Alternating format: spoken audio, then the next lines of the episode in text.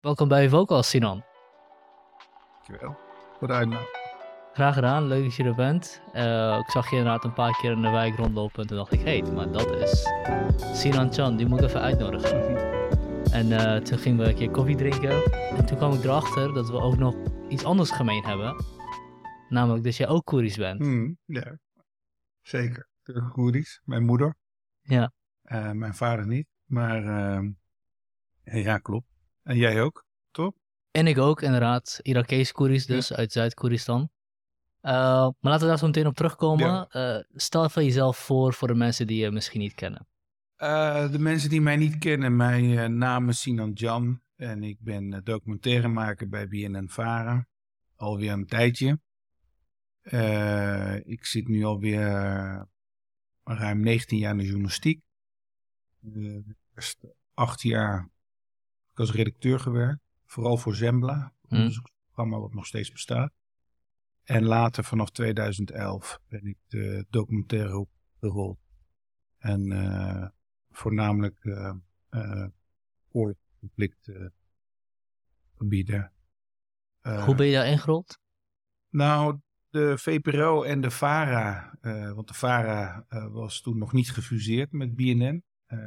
die gingen een, uh, een drieluik maken, een documentaire drieluik maken over uh, tien jaar na 9-11, na de aanslagen in Amerika. En hadden een aantal VPRO-mensen en een aantal VARA-mensen gevraagd. Um, eigenlijk was het een soort uh, tegenlicht meets Zembla. Hm. Um, en ik mocht daar ook aan meewerken. En nou ja, uiteindelijk er uh, waren wat mensen ziek, uh, er waren wat mensen die afhaakten. En uh, zo langzaam schoof ik door en mocht ik samen met oud NOS-correspondent Mustafa Oepi, die helaas niet meer leeft, mochten wij deel 1 maken samen. De aanvliegroute heette die. En dat ging over de motieven van de kapers van 9-11. Ja. Dus ik had mij heel erg verdiept in Jarrah. Uh, Wie is dat? Dus de Libanese kaper uh, van uh, Vlucht 93. Die neergestort is op Pennsylvania. Dus die heeft het doel zeg maar niet bereikt. En, um, en Mustafa Oekpi had verdiept in Mohammed Atta. Hè? De, eigenlijk een beetje de, de, de leider van, van, van de kapers. En Egyptisch. En uh, daar hebben we een soort parallelvertelling uh, uh, van gemaakt. En, het was wel mooi dat uiteindelijk voor ons de conclusie was: aanslag is gigantisch en heeft een gigantische impact gehad. Mm -hmm. nu nog steeds, als we kijken naar de afgelopen 20, 20 jaar, 21 jaar nu. Mm -hmm. maar het waren toch gewone jongens. En en ze hebben veel geluk gehad. Dat is gelukt dus eigenlijk. Maar wat bedoel je met gewone jongens? Nou, kijk, wat, wat, wat natuurlijk de afgelopen 21 jaar vooral uh, uh, iets, laten we zeggen, vanuit de complottheorieën van uh, dat het een groot plan was en dan weet ik veel dat de Oh, dat het een inside job Mossad was. was en een inside job en dat het toch ja, goed voorbereid was en noem maar op. Het was helemaal niet goed voorbereid. Het was echt belabberd voorbereid. En het was gewoon gelukt dat het, dat het, dat het, dat het gelukt is. En, uh, um, en het waren in die zin ook gewone jongens uit, uh, uit Hamburg. Hè, die, zij studeerden uh, daar, een deel daarvan. En ja, kijk, bij zo'n groot aanslag, bij zo'n groot plan, dan denk je dat daar ook, ja, dan bijna iets... een soort mythische figuren achter zitten. Maar, dat, maar dat, dat, is gewoon niet zo. Het waren gewoon simpele jongens die ook nog met hun eigen identiteit afreisden naar, naar Amerika. Heel veel dingen helemaal niet goed hebben voorbereid. Uh, ja, dat is, het, is eigenlijk bijna, het is eigenlijk een wonder dat het gelukt is, zeg maar. Ja, ja. Onderling ruzie met elkaar maken, dat soort dingen allemaal. Ja, ja. En, uh, het waren gewoon een stel amateurs. Nou ja, ik bedoel, als Ziad Jarrah geen geld had voor een ticket voor het vliegtuig. Dus je gaat zo'n grote aanslag plegen en je hebt geen geld om een ticket Ja. Dat vind ik wel amateurisme, ja. Maar wa waren dan ook echt uh, uh, uh, o- eh, gewoon zelfstandige jongens? Hadden ze totaal geen eh, binding met andere... Nou, ze, hadden, ze gingen naar de El Quds moskee in, in Hamburg. Maar die, eh, op een gegeven moment vonden ze dat ook niet meer interessant. Dus hadden, hielden ze van die huiskamersessies, zeg maar, Ja, thuis. En, ehm, eh, en het bijzondere is, zij waren naar Afghanistan afgereisd, een deel van die jongens, om te trainen en eh, te gaan vechten in Tsjetsjenië. Ja. Dat was het plan eigenlijk. En toen ze daar aankwamen en eh, nou ja, al vrij snel kennis maakten ook met, met, met Bin Laden, toen dacht Osama van ja, we hebben nog een plan met vliegtuigen. Maar ja, die Jemenieten, die, die, eh, die krijgen geen visum. En die Saudis zijn te dom, had hij gezegd. Dus, eh, en dan kwamen jongens uit Europa en die konden makkelijk een visum krijgen ook Mm. voor, voor Amerika. Dus hij dacht, hé. Hey, eh, en het, het originele plan was 20 vliegtuigen. Niet eens vier. Echt 20 vliegtuigen. Door Sheikh Khaled Mohammed bedacht, plan een eh, Pakistaan uit North Carolina, daar geboren en getogen was. En verbitterd is, eh, is, is weggegaan. Die wilde dat eh, er 19 vliegtuigen zich op ja, symbolische plekken in Amerika daar zouden do- doorboren. En een twintigste vliegtuig zou hij zelf zitten. En die zou op JFK in New York landen. En hij zou dan uitstappen en zeggen: Ik ben mijn meeste brein. Dat deze nou, je begrijpt natuurlijk in een wereld van, van, van ego's dat Bin Laden dacht, oh, dus jij denkt de, de, de show eh, te, te gaan stelen.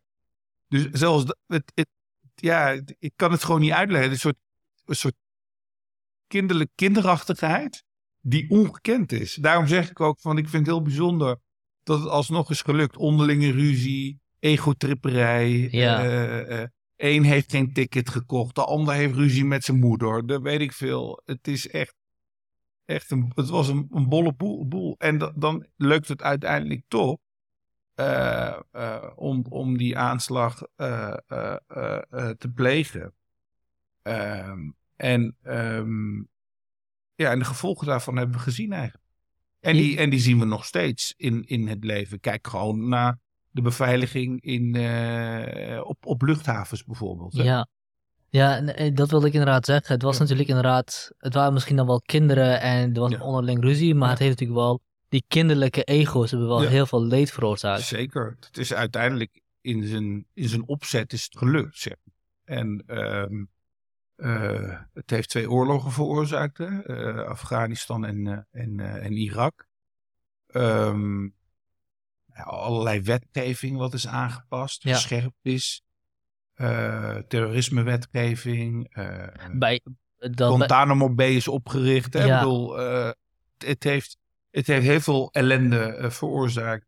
Voor de mensen in het Midden-Oosten ook. Absoluut. ja, Ja. want überhaupt dat, het, dat er een oorlog in Irak ontstaan is, dan als, als gevolg van de, eh, de, de, de dingen die gebeurd zijn na 9-11 is natuurlijk absurd. ja. Want Irak had er helemaal niks mee te maken. Nee, nee. De, de, twee eh, argumenten waren dat Bin Laden en Saddam Hussein eh, een eh, link hadden met elkaar. Ja. Hè? Dus nooit bewezen. En dat is ook niet zo. En massavernietigingswapens. Die we volgens mij nog steeds zoeken. In, in Irak. En nog niet gevonden hebben. Ehm, los van dat Saddam Hussein natuurlijk een grote eh, despoot is. Die Ja. eh, ook mede steun van eh, het Westen lang daar heeft kunnen zitten. Hè. We deden er ook zaken mee. We steunden hem in de Iran-Irak-oorlog. Gaddafi was best oké. hè. Daar deden Ja. we zaken mee. Italianen deden daar vooral zaken mee. Fransen. Ben Ali hadden we geen last van. Tunesië. Mubarak was een dictator, maar was verder oké. in. En eh, eh, dus ja, wij hebben dat heel lang hebben we daarna gekeken. We vonden, we vonden het eigenlijk prima. En eh, je ziet het nu even om die link naar Qatar te maken. Ja, Hè, van, wat, wat ik prima vind hoor. Ik vind dat, dat mensenrechten, eh, humaniteit altijd eh, op nummer één moet staan. Mhm. Eh, Of dat nu in zaken doen is of een sport. Of... Maar dan wil je graag dat je die lijn ook gewoon doet. Hè? Ik bedoel, er is daar veel aandacht voor, dat snap ik. Maar niet heel ver weg van Qatar ligt Iran.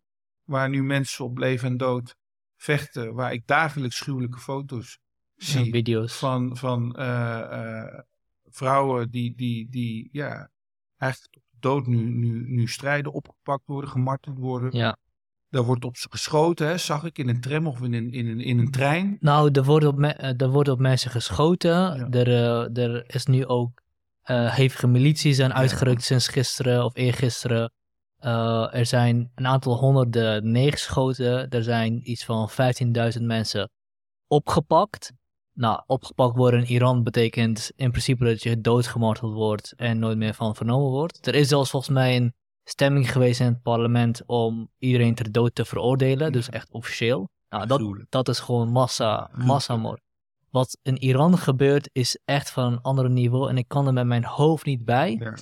Kijk, dus, eh, laten we zeggen, je, je, je, je, gaat geopolitiek en, Ja. en realpolitiek toepassen op bijvoorbeeld Irak eh, en, en Syrië en dergelijke. Dan kun je nog, kun je nog wat, wat schaak zetten en Ja. schaakstrategieën daaruit halen. Maar wat Iran doet met zijn eigen bevolking, dat is gewoon, dat, is, dat is echt waanzin. Ja, en we laten dat toe. Eh, en, en, eh, ehm, en ik vind dat, dat, dat we te weinig doen ook eh, eh, voor deze mensen die daar zich verzetten. Ja. Hè, we, we- met de Arabische lente, hè, zoals we die noemden, stonden we vooraan. Hè, want de mensen in, eh, Egypte en in Tunesië en in Libië, in Syrië en in Mhm. Jemen mo- moesten gesteund worden. Mhm. Wat ik ook vond. Ik vond ook eh, dat eh, overal waar een dictatuur is voor mij die zo snel mogelijk mag, mag instorten. Maar je verwacht dan wel van de internationale gemeenschap dat je iets sterkere vuist richting Iran maakt. Ik weet dat je dat niet durft, want Iran wordt natuurlijk gesteund door Rusland, zoals we weten, maar ook door landen als eh, China. Mhm. En, eh, ehm, maar het is gewoon dat, dat eh, ik word daar gewoon een beetje boos over. En denk ik van, waarom bijvoorbeeld, om heel klein, waarom knikkert de FIFA hun er niet uit bij het WK? Hè? Dat ze zeggen van, Ja. Wij, eh, wij boycotten eh, jullie voor wat er nu aan eh mensenrechten schendingen gebeurt. Ja, nou goed, de FIFA heeft zelf ook niet een echt goede track record Ja, wat ja. betreft. ja, kijk naar die, naar die Netflix-docu, dan zie je. Ja, dus... Wat voor corrupte bende. Het is gewoon, het is eigenlijk een criminele organisatie. Ik- als, je, als je die docu ziet, Ja. dan raak je overtuigd dat het een criminele organisatie Ja, er is inderdaad dus een do docu op, eh, Netflix en die heet eh, FIFA nog iets, maar als je FIFA intikt is. dan... Volgens mij FIFA... eh, Uncovered. Uncovered. Uncovered, Ja, inderdaad, ja. ja. Nee, de FIFA, dat, die vertrouw ik sowieso überhaupt niet. Ehm, maar goed, je hebt helemaal gelijk. Het is, natuurlijk, het is natuurlijk vreemd dat er bij sommige gebeurtenissen in sommige landen als vooraan staan Ja. om bij te dragen en bij andere gebeurtenissen weer niet. Terwijl dit nu ook echt een, wat jij ook zegt, echt een grote gebeurtenis is. Eerst dacht ik, eh, net als bij de Green Wave, hè, die, die demonstraties, eh, is dat nu alweer tien jaar geleden? Ja, hè? Eh, 2000. Ik weet het niet precies. Maar toen was ik ook heel, eigenlijk heel hoopvol. Maar dat werd toch best wel snel in, in de kiem gesmoord ook. Hè? Ook, de- ook Ja. daar werden demonstranten. wat is de Green Wave? De, de, wat was de Green Wave? de Green Wave was de protesten in, eh, in Iran voor eh, hervormingen ook. Oké, ja. En eh, ik weet, ja, het had ook nog een andere naam. Nou, ik weet het ook niet. En daar was ik ook wel hoopvol. En, eh, ehm, maar nu is het volgens mij anders. Het is wat het is groter en breder nu ook. En ja. het is nu ook dat ze. zij willen ook echt alles riskeren, gevoel. Ja. Want Van, eh, hè, we laten on- ons. eh, ze zijn een beetje door de angstbarrière heen. ja, Ze, ze, ze zijn niet meer bang. nee, nee, het is, eh, het is door het hele land. Ja. Het is, Het is ook niet alleen maar Koeren, hè? het zijn, nee, nee, het is zeker niet al, het Ja. is door het hele land. Want het, het wordt een beetje gesuggereerd af en toe. Van dat het alleen Koerden zijn op Twitter. En dan zeg ik nee, dat is niet zo. Nee, nee, het is, het, is, het is begonnen in Koeristan met de Ja. dood van Gina Amini. Ja. Ehm, en ik was ook in de veronderstelling eerst dat het vooral, vooral, vooral in Koeristan was. Ja. Want daar was het wel begonnen. En ik weet nog dat ik bij, de eerste bij een eerste demonstratie in Den Haag was en dat ik allemaal Iraanse vlaggen zag. Toen dacht ik, oh wacht even. Ik had wel inderdaad gehoord dat het ook door de rest van Iran was Ja. Overgenomen, die protesten. Maar het is veel groter dan alleen maar het Des Koerdische te mooier. Dat, dat ze met z'n allen eigenlijk, eh, met al die kleuren, kleuren en klanken in dat land, dat zij vuist vormen Ja. tegen deze, eh, Tyrannieke dictators. ja, ja, deze haatdragende mensen die dan ook nog in het parlement, wat jij ook zegt net, kijken of ze iedereen de dood. Echt verschrikkelijk. Maar het, het kan ook alleen maar als het het hele land is. Je kan niet de Perzen hebben, de Koerden en eh, de Balochen die apart van elkaar Azeris gaan doen. heb je nog, hè? je hebt best wel veel etnische Ja. groepen. Je hebt er heel Ja, veel. Maar niemand kan het in zijn eentje doen. Niemand kan het in zijn eentje doen. Maar ik hoop het. Eh, ik, ik vond al heel lang, ik ben één keer in Iran geweest, dat ik vond dat dit regime niet bij deze mensen paste. Met hun geschiedenis, de cultuur, het verfijnde. eh, it, it doesn't match. Ja. Vond ik echt. Ja. En eh, die, ah, die, de, de, de dichters, eh, de Khayyam en Hafiz en Rumi en en- Het past gewoon niet bij deze Nee, ze hebben heel veel dans, ze hebben wel muziek. muziek drinken, Poëzie. Gayam. Genieten van het leven. Ja. Ja. Gayam, eh Omar Gayam, de Iraanse dichter, die dan ook zegt van hè, het leven is hier. Hemel en hel is op aarde. Ja, Het is wat jij ervan maakt. ja, mooi. Maar goed, eh documentaires gericht op oorlogsgebieden en conflictgebieden. Waarom? Eh, waarom? Nou, deels eh, vanuit, vanuit. Eh, mijn ouders zijn van die geëngageerde linkse activisten die zich heel erg zorgen maken om de ellende elders in de wereld. Wonen je ouders in Nederland? Ja, die wonen in Nederland en die komen uit het oosten van, van Turkije. En ehm, eh, dus eh, ik werd al heel snel als kind meegesleurd naar demonstraties tegen kernwapens, tegen eh, allerlei andere, eh, eh, tegen Zuid-Afrika bijvoorbeeld, eh, tegen het apartheidsregime. Ehm, en, eh, en ook altijd wel gericht natuurlijk interesse op het Midden-Oosten. Ehm, eh, dus van huis uit eigenlijk. En, eh, en ik was daar ook altijd al in, eh, in geïnteresseerd. In het gebied. Die ik ontzettend fascinerend vind. De geschiedenis. eh, eh, de mensen daar. eh, als kind ook gefascineerd was door Mesopotamië. Hè, de, twee riviergebied. Het gebied tussen de Eufraat en de Tigris. voor de luisteraars die niet zo goed in het en, eh, eh, ja, weet je wel, waar, waar de beschaving begint in dat gebied, waar het wiel is uitgevonden, waar schrift is uitgevonden, waar, waar eh, de tijd is uitgevonden door de Sumeriërs 5000 jaar geleden. Die hebben bepaald dat een uur uit 60 minuten bestaat en dat het 365 in een jaar 365 dagen. Nou, Je kan je afvragen hoe dan, maar ze hebben dat 5000 jaar geleden eh, bedacht en, eh, en ingevoerd. En dat zijn dingen die we dus eigenlijk nu nog steeds gebruiken in, in, onze, in de huidige tijd. Dus ik was heel erg in de mensen eh, geïnteresseerd. Nu is het ook als je eh, uit dat gebied komt, eh, als je de wortels in het Midden-Oosten zit, dan zijn verhalen heel belangrijk. Ja. Eh, het, het- je wordt opgegroeid, gevoed met verhalen. Ben je daar geboren? Nee, ik ben daar niet geboren. Ik ben hier in Nijmegen geboren. Ehm, maar wel opgevoed met, eh, met de verhalen eh, die aan elkaar, eh, nou ja, die van generatie op generatie doorverteld eh, worden. Of dat nou Gilgamesh-epos is, of 1001 eh Nacht, Ja. of eh, weet ik veel, Memoezin, liefdes, liefdesverhaal, hè, Koerdisch liefdes, eh, liefdesverhaal, of andere verhalen. Mamoudzin is een, eh, voor de mensen die het kennen, is een eh, Koerdische Romeo en Juliet. Ja. En eh, het interessante aan zulke verhalen... Ook met een, een ellendige e- Ook einde. met, met een ellendige einde, spoilers. maar goed, eh, ja, het, het interessante aan dat verhaal is, is dat het, eh, in het in het Koerdisch worden verhalen over het algemeen oraal over, overgebracht. En dan heb je Dangbesh, dat, dat betekent letterlijk stemgever, die rondtrekken en zingend verhalen vertellen. Dat is ook een hele kunst. Het is redelijk aan het uitsterven, denk ik, of misschien leest het weer op, maar het is niet, niet meer vanzelfsprekend. En die verhalen hebben allemaal verschillende variaties, verschillende versies, afhankelijk van wie het vertelt. En Mamoudzin heeft ook eh, zeer nationale thema's, nationalistische thema's. Ja. Dus dat zou een metafoor zijn voor, voor het Koerdische natie. Het heeft Ja. religieuze overtonen. Ja, het heeft heel veel lagen, hè? Heel veel lagen. Maar ook afhankelijk van de variatie of de versie van degene die het Die aan, het- aan zingen Aan het zingen is. Ja, dat is wel mooi, ja. Ja, Denkbeest is natuurlijk ook gewoon... Omdat Koerden deels hun geschiedenis ook niet echt hebben opgeschreven. Hebben ze dat natuurlijk ook... Ja, met liederen eigenlijk. Hè. Het is bijna een soort rapvorm af en toe. Hè? Ja. Dat het soort... eh, Ja. ehm, en, eh, dus ja, we, we zijn eigenlijk...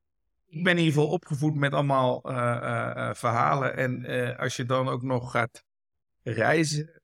Ja, dan word je op dan word je ook een verhalenverteller. En wij doen natuurlijk al duizenden jaren niks anders dan verhalen vertellen aan elkaar. Eerst deden we dat door tekeningen te maken in grotten. Mm. En dat hebben we iets meer gecultiveerd, verfijnd. naar verhalen vertellen, zingen. Eh, nu doen we dat eh, door middels van film of video of audioboeken. En misschien in de toekomst een 3D-hologram. Dat je thuis zit en een soort film zich afspeelt in, in, in, eh, th- thuis bij je. Dus we doen, en, en daar ben ik zo een beetje eh, eh, eh, ingerold. Het kwam deels natuurlijk ook met, eh, eh, met die eerste docu-serie, Mhm. 10 jaar 9-11. En vervolgens heb ik eigenlijk achter elkaar series gemaakt over, nou ja, vooral over het eigen Midden-Oosten. Het is eigenlijk iets meer dan Midden-Oosten, want Afghanistan is natuurlijk niet Midden-Oosten, is Centraal-Azië.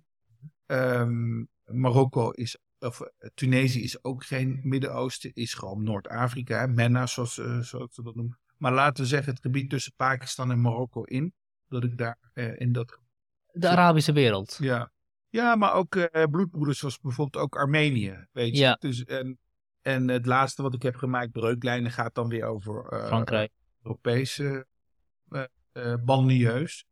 Ehm, en ehm, ja, ik, vond, ik vind ook, vond ook vind bijzonder ook om daar, eh, daar te reizen en om de, ja, proberen om de meeslepende verhalen eh, vast te leggen. Ik heb vanaf begin tot eind IS natuurlijk eh, eh, eh, nou ja, meegemaakt, wil ik niet zeggen, maar zijdelings natuurlijk meegemaakt. In, eh, en rondom het kalifaat ge- gereisd. Ook op eh, cruciale momenten. Toen Mo- Mosul eh, eh, veroverd eh, werd, toen er gevochten.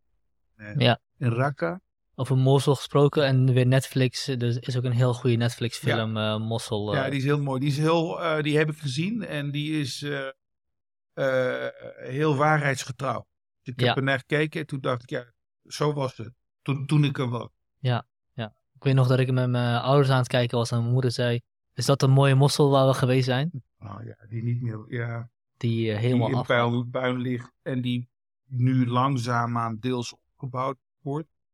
Maar god, hoe lang duurt dat om die hele stad eigenlijk op te, op te bouwen? En sommige dingen En kun, je, kun je ook niet meer herstellen. En wanneer is de volgende? Ja, wanneer is de volgende? Maar ook, ook dat je dingen niet meer kan herstellen. Kijk, die, die oude bazaar van Aleppo krijg, krijg je niet meer hersteld in dezelfde staat. Nee. Dat, die, dat, dat ligt zo in puin. En dan kun je nog renovatie en eh, de stenen gebruiken. Die daar, maar je krijgt hem niet meer terug in, de staat. De oudste bazaar van de wereld was dat. Verschrikkelijk. Ja, het is echt verschrikkelijk. Ehm, documentaires maken. Hoe, hoe begin je aan zo'n documentaire maken? Want je, je, je, je gaat IS onderzoeken, je Ja. gaat eh, de, de motivaties van mensen die al dood zijn onderzoeken. Eh, hoe gaat dat in zijn werk? Nou, meestal hoe, hoe het proces gaat is... Je werkt met vaste mensen eh, samen. Eh zoals de regisseur, cameramensen, redactie. Het wisselt wel af en toe, maar toch een, een vrij vaste eh, team. Vaste fixers ook met mensen waar ik mee werk, die heel belangrijk zijn. De mensen daar. Die dingen uitzoeken, die afspraken maken, die ons in de reis begeleiden, eh, waar nodig is, eh, eh, vertalen en dat soort dingen allemaal. En die fixers, daar, hoe kom je aan die fixers? Ja, die, dat, dat, dat is een netwerk wat, je in, in, wat ik in de afgelopen jaren heb, heb, heb, heb, Opgebouwd. heb opgebouwd. ehm, door met een fixer te werken die misschien niet goed is, om dan vervolgens verder te kijken. En uiteindelijk vind je de juiste persoon. En dan weet je van, nou, als ik naar Syrië ga, dan is uh, Jiwan is mijn uh, fixer. Als ik naar Irak ga, Hanna is mijn fixer. Als ik naar uh, Afghanistan ga, Nouri is mijn fixer. dus ja, dat, als ik naar Tunesië ga, is Nasreddin is mijn fixer. dus die, dat, dat, zijn vast, dat, zijn de, dat zijn de toppers. Dat zijn, goeie, dat zijn echt goede, goede krachten. Heel belangrijk ook. Krijg je misschien iets te weinig erkenning. dat geef ik toe. Um, uh, ja, je hebt bijvoorbeeld. Uh, we hebben de journalistieke prijs De Tegel. Mm -hmm. Voor beste achtergrondverhaal, beste verslaggever, beste interview. Best, maar daar, had, er kan best een kap toegevoegd worden. Gewoon beste fixer. De beste fixer. Ja, en, en dan mag iedereen die uh, met een fixer heeft gewerkt ook motiveren waarom hij vindt dat hij of zij de beste fixer is ik zou dat wel mooi vinden. Dat is ook, zou ook een soort erkenning naar, naar uh, de mensen uh, uh, zijn die vaak niet eens op een titel ook, hmm. Weet je wel, die, die worden helemaal vergeten. Is dat niet een beetje inherent aan een fixer zijn, denk je? Dat je een beetje obscuur moet blijven? Ja, soms wel, maar soms niet. Want het helpt hun soms ook gewoon in bijvoorbeeld vervolgopdrachten. Maar ook bijvoorbeeld uh, ik heb bijvoorbeeld nu een, een fixer die mij uh, in uh, Afghanistan heeft geholpen in 2016. Naik Jamal. Um, die heeft me echt goed geholpen. met, met ook wat heeft hij bijvoorbeeld gedaan? Nou, kijk, wij waren in uh, 2016 in, in Uruzgan. En dat was daar heel erg onrustig. En nou, je, komt, je komt daar aan. Alle NGO's zijn daar vertrokken. Dus je moet heel erg op hij heeft voor onze veiligheid gezorgd daar. Hij heeft ervoor gezorgd dat ik in Chora mensen kon spreken. Uh, die, uh, die daar hun verhaal wilden vertellen. Hij heeft dingen voor mij uitgezocht. hij was heel kritisch ook naar het overheidsapparaat waar hij zelf ook deel van, van uitmaakt. jonge man waarvan je denkt, ja, dit zijn eigenlijk de mensen die, die de macht zouden moeten hebben. Namelijk die nog ergens integer zijn en uh, je zet hem niet op de aftiteling omdat je hem wil beschermen. Weet je, dat, dat, ja. over, dat overleg je ook met hem. Nu met de machtsovername van, uh, van de Taliban en al, al het doel eromheen, moest uh, nou, ik vluchten naar Pakistan. En probeer ik eigenlijk al een hele tijd om hem naar Nederland te uh, ik in de media uh, een aantal keer uh, um, uh, gezegd, van, hè, verteld waarom dat, dat is. En, en dat gaat heel moeizaam, kan ik, kan ik Omdat hij geen officiële rol ergens heeft gehad. Geen officiële rol en of, die, of het nou op tijd is aangemeld. Allemaal dingen waarvan je denkt van, ja, hij heeft met ons samengewerkt. Ik heb die verklaring afgelegd ook dat hij, uh, dat, hij dat uh, heeft gedaan. En wees gewoon ook gewoon uh, in die. En het gaat natuurlijk niet alleen een, een, om Nike, het gaat om veel meer mensen ja. die we hebben beloofd om te halen. Mensen die met Nederlanders hebben gewerkt, chauffeur, tolken, noem maar op. En we houden ons gewoon niet aan die, aan die belofte. En um, dus ja, zij moeten soms, hè, moet je ze beschermen, omdat ze soms ook dingen doen uh, waar autoriteiten niet, niet blij van uh, worden. Maar je ziet dan ook de andere kant. Hè, dus de schaduwkant ervan. De schaduwkant uh, daarvan. En, en ik, dat vind ik heel frustrerend. Ja, om, kan me voorstellen. Want deze mensen hebben jou geholpen, je hebt een band met ze opgebouwd. Ja, en dan... Ze verdienen het gewoon om veilig te zijn. Ze verdienen het om veilig te zijn. in het parlement hebben ze beloofd dat ze die mensen terug zouden gaan halen. Ik bedoel, wat ben je waard als, als je als overheid je niet eens aan de eigen afspraken houdt? Ja. En dan bedoel je hiermee de Nederlandse overheid? Ja. Ja, ja. ja. met, deze, met dit kabinet zijn we dan natuurlijk wel gewend. Ja. de statement, je hebt helemaal gelijk. Ik weet nog dat uh, het ooit uh, uitkwam dat, uh, dat er bij Rutte eh, weerstand was om notities te maken, zodat dat niet teruggehaald kon worden. Ja. Maar dat is even... Ja, ja, ja. Dat is Nou natuurlijk ja, dat is een van de dingen hè, van de afgelopen. Ja, ik dacht, benoem even iets wat nog niet Ja. benoemd is. Nee. Maar ja, goed. Oké, je hebt een fixer, je hebt een vast team mensen waar je mee werkt. Eh, Nou ja, het begint eigenlijk met, met van, eh, we hadden het over hè, hoe, vorm, hoe, vorm, hoe, hoe begin je eigenlijk? Nou, het begint eigenlijk met een idee, zoals alles begint. Geen rocket, rocket science, maar het is wel natuurlijk, je denkt wel van, nou, eh, een idee, maar waar kijk je dan naar? Nou, je kijkt naar een aantal dingen. Eh, heeft het urgentie? Gewoon, hè, is, is journalistiek eh, belangrijk? Is het maakbaar überhaupt? Hè? Dat, dat, is het haalbaar wat je, wat je, wat je wil maken? urgentie, haalbaar, journalistiek. Levert het een bijdrage aan de discussie of aan bij mensen voor eh, inzichten zorgt. Hè? Dat je misschien verschillende perspectieven van een, van een verhaal eh belicht. Dus die, die, dat leg je allemaal langs, langs, de, langs de meetlat. Je kijkt natuurlijk ook wat er in de actualiteit eh, speelt. Ehm, en dan maak je een, een, een verhaal. Dus bijvoorbeeld vijf jaar Arabische lente, de Arabische storm, de serie. Wilde ik eigenlijk na vijf jaar kijken van, nou wat is er nou over van, van dat enthousiasme van de lente? Is het een lente of is het, dus- is het uiteindelijk een storm? In het spoor van IS was heel erg de periode dat IS aan het instorten was. Dus het kalifaat stortte eigenlijk in. En op de puin eh, op de smeulende eh, eh, puinresten hebben wij de reis gemaakt.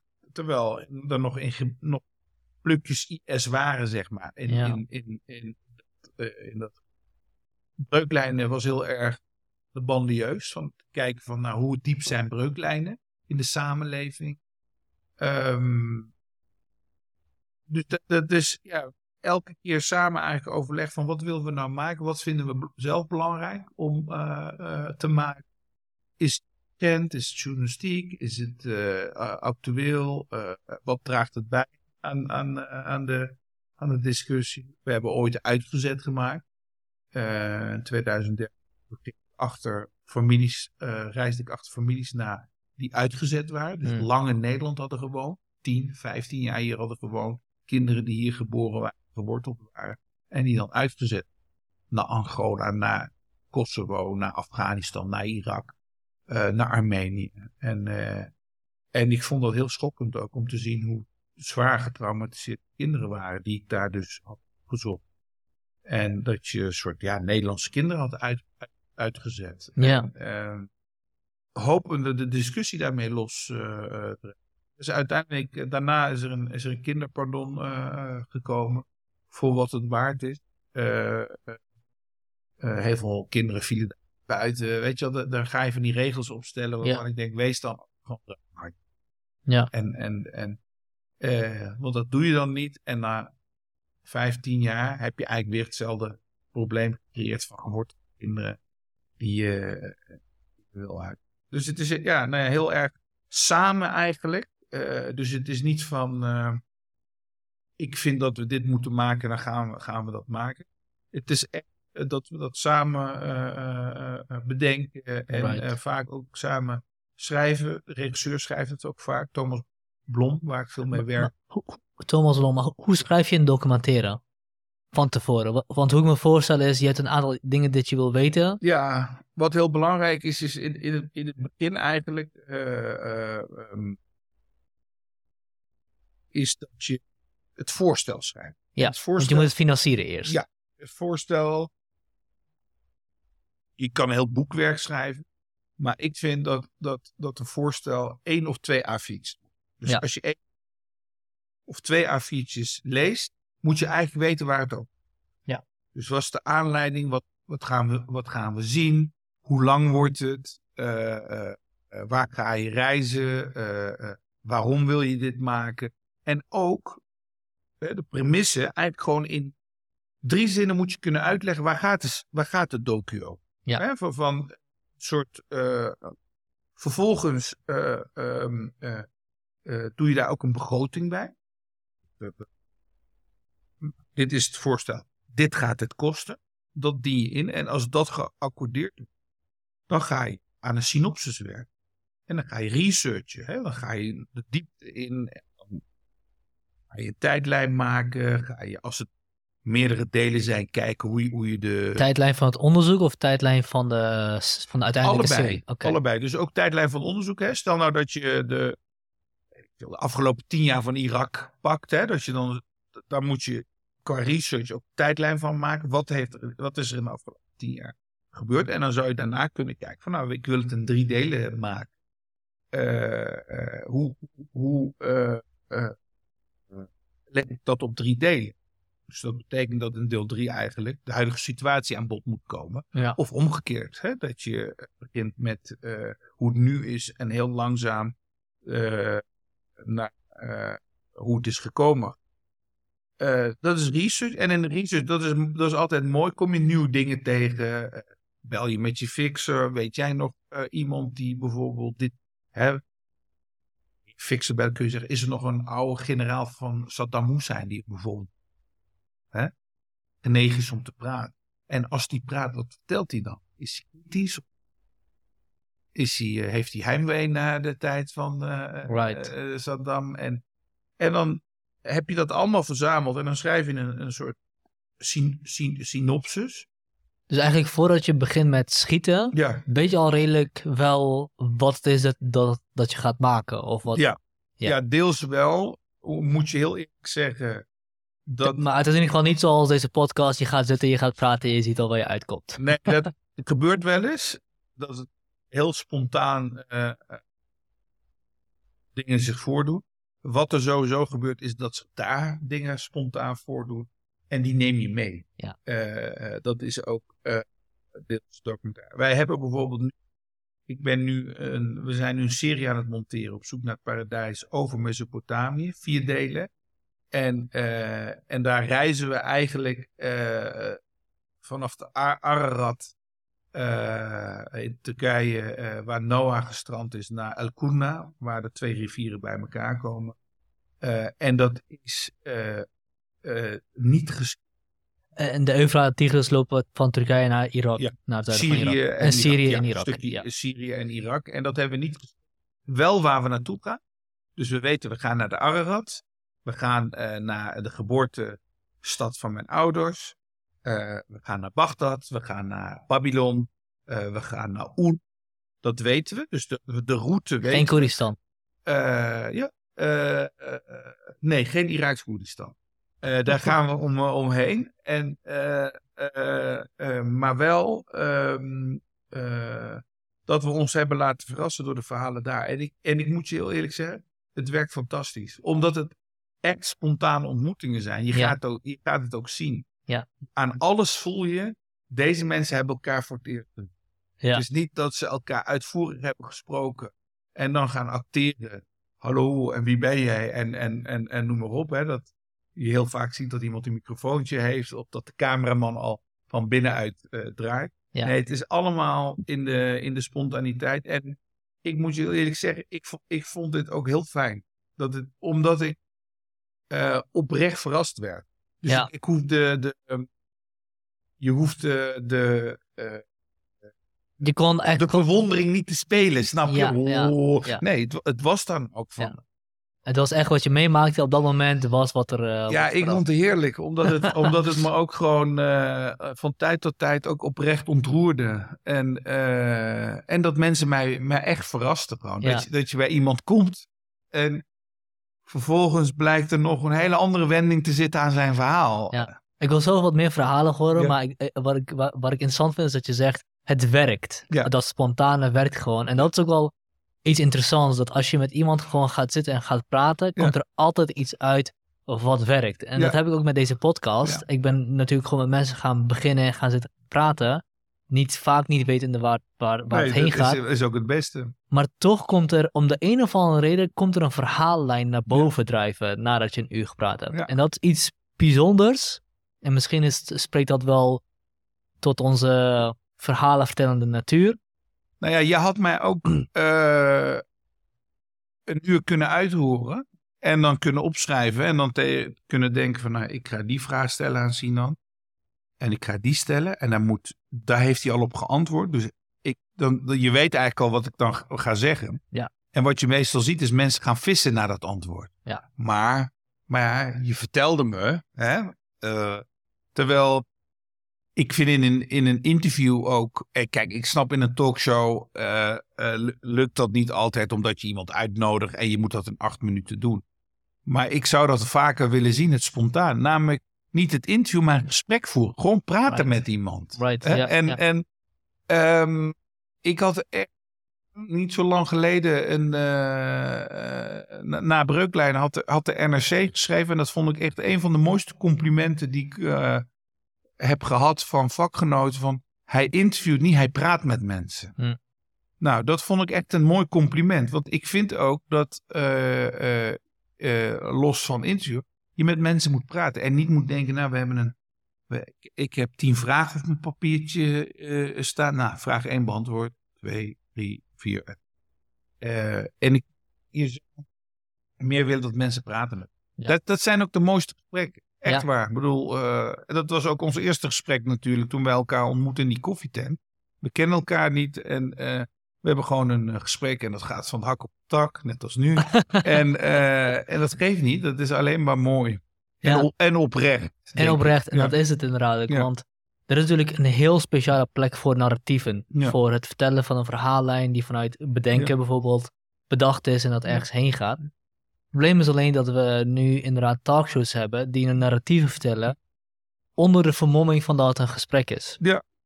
En dat die, daarom denk ik dat podcasts zo populair zijn geworden, want daar zie je eindelijk voor na lange tijd zien we mensen en experts gewoon hunzelf zijn. Ja, In klopt. plaats van een script af te werken of een narratief af te werken. Klopt. En dat is ook wel het leuke aan, eh, aan het luisteren naar een podcast ook. Dat, eh, eh, dat, dat, dat je vaak ook verrast wordt. Omdat Ja. het echt, het zijn gesprekken ook. En, en, en niet strakke interviews. Ehm, en ik vind de, de chaotische podcasten de echte leukste. Hè? En eh, eh, dan denk ik, ja, dat is leuk, weet je wel. Ja. Ik word weer verrast. Nu En, gebeurt er eh, iets. het gebeurt iets. En, eh, dus je merkt dat geformateerde, dat eh, mensen daar ook steeds minder zin in hebben, moet ik je zeggen. Omdat je ook gewoon weet,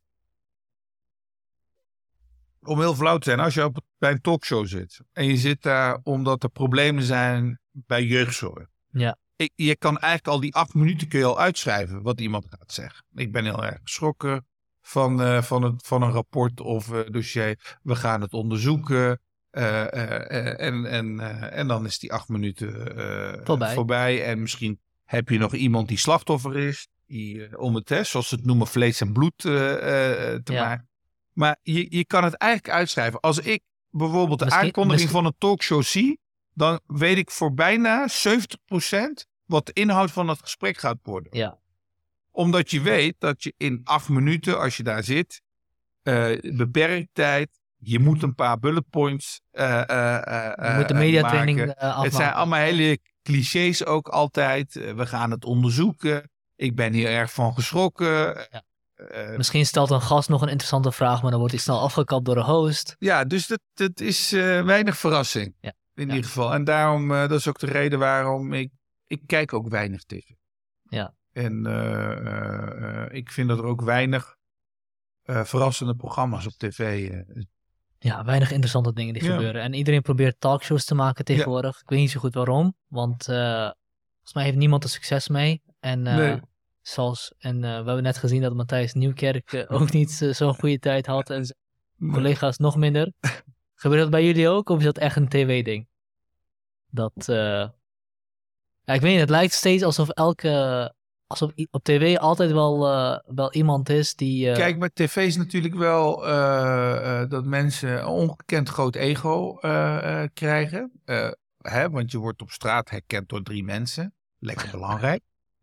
En, en dat doet iets met mensen. Het is, ik, ik heb me wel eens, ik bedoel, ik zit nu 19 jaar in, in, in het vak. Hè? Ja. In, in, in ook in tv-journalistiek. En eh, eh, dat je echt ziet dat mensen, de, manier waarop mensen lopen is veranderd. Dat je denkt, oké. eh, en dat is alleen maar omdat je nu een tv-programma hebt en mensen je herkennen op straat. En het heeft iets toxic daardoor ook. want een groot ego zorgt ook voor narigheid. Namelijk dat je onaardig bent naar mensen. dat je jezelf als geweldig ziet. Dat je anderen als min ziet. Ja. en, ehm, en je verzamelt ook om je heen allemaal ja-knikkers. Dat is ook wat er gebeurt. Als je Mhm. succes hebt, dan gaat niemand jou tegenspreken. Mhm. Zo eh, succesvol. Eh, eh, en, en, en dat zorgt voor, eh, voor veel narigheid. Dus ik denk dat een ieder die, die eh, eh, eh, tv-presentator is, misschien een grote spiegel thuis moet ophangen. En elke ochtend naar in de spiegel moet kijken en zich moet afvragen: ben ik oprecht geweest naar mensen? Ben ik aardig? Ben ik niet onnodig hard geweest? Heb ik iemand vernederd? Heb ik iemand onterecht diep gekwetst? En ik denk eh, ehm, eh, dat dat heel goed zou zijn als mensen dat doen. Dat Ja. geloof ik echt. En kijk, eh, gaat het natuurlijk over De Wereld Draait Door en, en Matthijs. Maar men moet niet doen alsof dat in, in de sector op andere plekken bij andere programma's niet gebeurt. Hè, daar- daarmee praat ik het niet goed, hè? Absolu- Nee, nee. Absoluut, absoluut niet. Nou, heb, Zal- je, heb, je bij andere, heb je het bij andere programma's ook gezien? Nou, ik heb wel gehoord van, van, van, van mensen die bijvoorbeeld bij bepaalde programma's werkten. Dat ze zeiden van ja, het was heel naar om, om, eh, om daar te werken. Het was heel onveilig. Of eh, eh, vrouwelijke collega's die het bijvoorbeeld heel onveilig vonden, seksistisch vonden. En, en ja, daar, kun je, daar, daar kan ik niks mee, want ik ben geen vertrouwenspersoon. Ik ben niet de baas. Ja. Ik kan me alleen maar focussen op, mijn, op ons, ons eigen programma. Focussen op hoe wij met, met, met, met elkaar omgaan. En natuurlijk, waar mensen werken, is er wrijving, is er ruzie. Kan het uit de hand lopen dat je schreeuwt naar elkaar, dat, dat, dat je ruzie, ruzie maakt. Maar wat wel heel belangrijk is, is om dan te reflecteren ook. Zelfreflectie te doen en denken, weet je, ik ben hier onterecht eigenlijk boos geworden op iemand. Ja. Het, het spijt me oprecht. En ik ga er iets aan doen. Want het heeft ook geen zin om je elke keer te misdragen. En dan te zeggen van ja, maar met een excuses kom ik ervan. Dan, dan moet je daar ook iets aan doen. Als jij. eh, eh, eh, ja, daarom is het ook zo mooi dat als, als Soefies, hè, de, de derwishen, de, de bedelmonniken in het Soefisme, hè, de, de, de, laten we de spirituele tak van, van, van de islam, dat die elkaar een spiegel cadeau doen. Namelijk om twee dingen. Eén, kijk naar jezelf en zie het goddelijke. Maar het tweede is eigenlijk, kijk naar jezelf en doe aan zelfreflectie. Oh, mooi. Verbeter je als mens. Ja. Hè? Zorg dat je je ontwikkelt. Niemand is perfect in dit leven. Hoeft ook niet. Is, eh, de imperfectie is ook, schoon, is ook schoonheid. Maar probeer je als mens te ontwikkelen. Hè? En, en, eh, en dat vind ik, vind ik heel mooi. En dat vind ik en, en niet alleen in journalistiek. In el, elk, elk vak eh, heb je mensen die een groot ego hebben. Of, of een nare omgang met, met mensen. Ik Weet, ik zie wel dat het verandert. Mensen Ja? pikken het niet meer. Nou ja, ook, nou ook dat dit natuurlijk naar buiten is gekomen van de wereld draait door. Maar ook eh, Voice of Holland en, en andere dingen. Oh ja, Ja, dat weet nog je, je, ziet, je ziet wel dat, dat eh, laten we zeggen, de nieuwe jonge, hè, de, ge- de jonge generatie eh, eh, denkt van eh, dit kan niet meer. En dat kun je heel snel als woke bestempelen, hè? Woke. En, eh, eh, eh, maar er zijn dingen die, die veranderen. En ik vind het goed.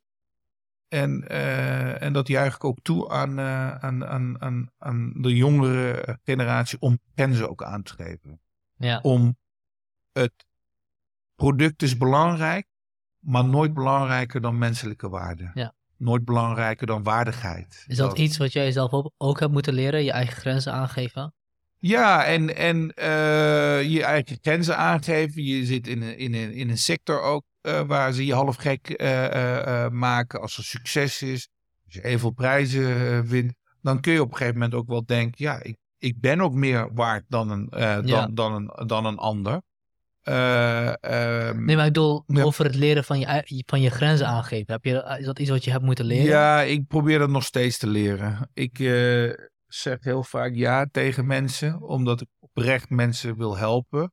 Soms lukt het eh, eh, gewoon niet. Eh, dus dan blijft, lijkt een soort loze belofte te zijn. Maar het is wel dat ik oprecht altijd, nou ja, ik wil mensen echt helpen. Ik word echt gelukkig als ik mensen kan helpen. Terwijl je ook kan denken van, nou ja, je kan niet iedereen helpen. Dat is onmogelijk. Ja. En het zorgt ook nog voor teleurstellingen. Ja. Dat mensen teleurgesteld zijn, raken omdat je. eh, s- en dat zijn dingen wat, wat, wat ik eh, eh, echt probeer te leren. Beetje ongeduldig ben ik ook af en toe. En, eh, is ook het Koerdische in je, hè? ja, dus dat is. Dat is eh, en ik ben natuurlijk ook eh, eh, eh, af en toe eh, eh, eh, eh, emotioneel en, en, eh, en eh, eh, passievol. Eh, ook emotioneel. En eh, dat vind ik ook helemaal niet erg. Ik bedoel. Wat bedoel je dan mensen die jou vragen van... Hey Sinan, ik wil ook graag een documentaire maken worden. Ja. Of mensen uit de landen waar je heen gaat. Of... Ja, overal eigenlijk naar mensen die dan om hulp vragen bijvoorbeeld. Ik zit dan eh, met zo'n Nike Jamal, daar heb ik echt slapeloze nachten van. Ja, ja, Terwijl ja, ik kan er eigenlijk niks aan doen, maar toch voel ik het als mijn verantwoordelijkheid. En, eh, maar ook als een student mij belde en zegt ik wil een documentaire maken, wil ik liefst eigenlijk met, met hem of haar meekijken, terwijl ik eigenlijk geen tijd heb. Ja. En, en, eh, en dat zijn dingen die, die ja, ik zit namelijk ook zo in elkaar. Ik word ook echt oprecht gelukkig als iemand, als ik iemand kan helpen en oprecht gelukkig kan maken. Daar, daar zit echt mijn geluk in. Zo ben ik gewoon ingesteld. Zo ben ik geprogrammeerd gewoon. En daar, daar kan ik verder niks aan doen. Eh, ehm, dus ik raak ook van tijd tot tijd ge- teleurgesteld in mezelf. Eh, dat ik dan denk van ja, ik had dan toch niet meteen eh, eh, ja moeten zeggen. Of, Right. eh, dus eh, work in progress. Ik probeer, zoals de Soefies dat zeggen, ik probe- probeer een soort Kamil insan, een perfect mens. Niet zozeer perfect en perfect. Insaan. Ja, en ja, ja. hè, zoals ze dat noemen, de veer- 40 traders. Dat je een steeds beter mens wordt. Maar het gaat eigenlijk daarom niet om perfectie. Maar het gaat om dat je als mens Ja. Dus, en, eh, en dat is elk decennium verander dus op Ja. je dertigste ben je anders dan op je veertigste. En op je vijftigste ben je weer anders. En dat is mooi, die ontwikkeling. Nee, gelukkig is niemand perfect in dit. Right. Zelfs de profeten waren dat. Dus eh, Nee, nee, nee. Ja, ik vraag me, eh, ik vind het altijd interessant over het, over het niet aange- aangeven van je grenzen. Van Ja. wa- waar zou dat vandaan kunnen komen? Wa- waarom, waarom vinden mensen dat moeilijk? En natuurlijk is er iets van hiërarchie wat speelt. ja, Maar dan is nog altijd de vraag waarom dan die hiërarchie dat, dat veroorzaakt. En eh, als ik kijk naar mezelf, dan is dat voor een hele lange tijd voor mij geweest. De, de, de, het geloof dat als ik nee zeg, dan verlies ik iets. ja. Dan verlies ik. ik een kans, Ik dan herken verlies ik een, eh, eh, dan verlies ik eh, goedkeuring, dan verlies ik eh, zelfwaarde. En alles wat mij aangereikt wordt, moet ik eigenlijk aannemen, Ja. want stel je voor dat er verder Ik niks is. herken dat heel erg. Ja, ik herken het heel erg. Ook, ook dat ik, ik denk dat jij dat ook hebt. Eh, dat is ook deels opvoeding. We worden als groepsdieren opgevoed. Mm. Maar in, bij mij thuis, ik ben opgevoed. Je moet iets voor de samenleving doen, Sina. Je moet iets doen voor een rechtvaardige, eerlijke wereld. Right. Al is het maar een kleine bijdrage eh, door eh, wie je bent, hoe je je opstelt. Door... Mijn ouders hebben eh, v- 35, 40 jaar vrijwilligerswerk gedaan. Vinden dat ik dat ook moet doen. Moest doen, moest doen.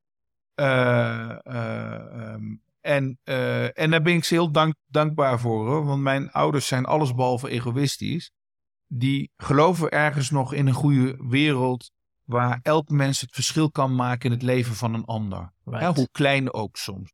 Dat kan troostend zijn, dat kan luisterend zijn. Ja. Dat kan zijn dat je je eigen leefomgeving mooi maakt doordat je een positief mens bent.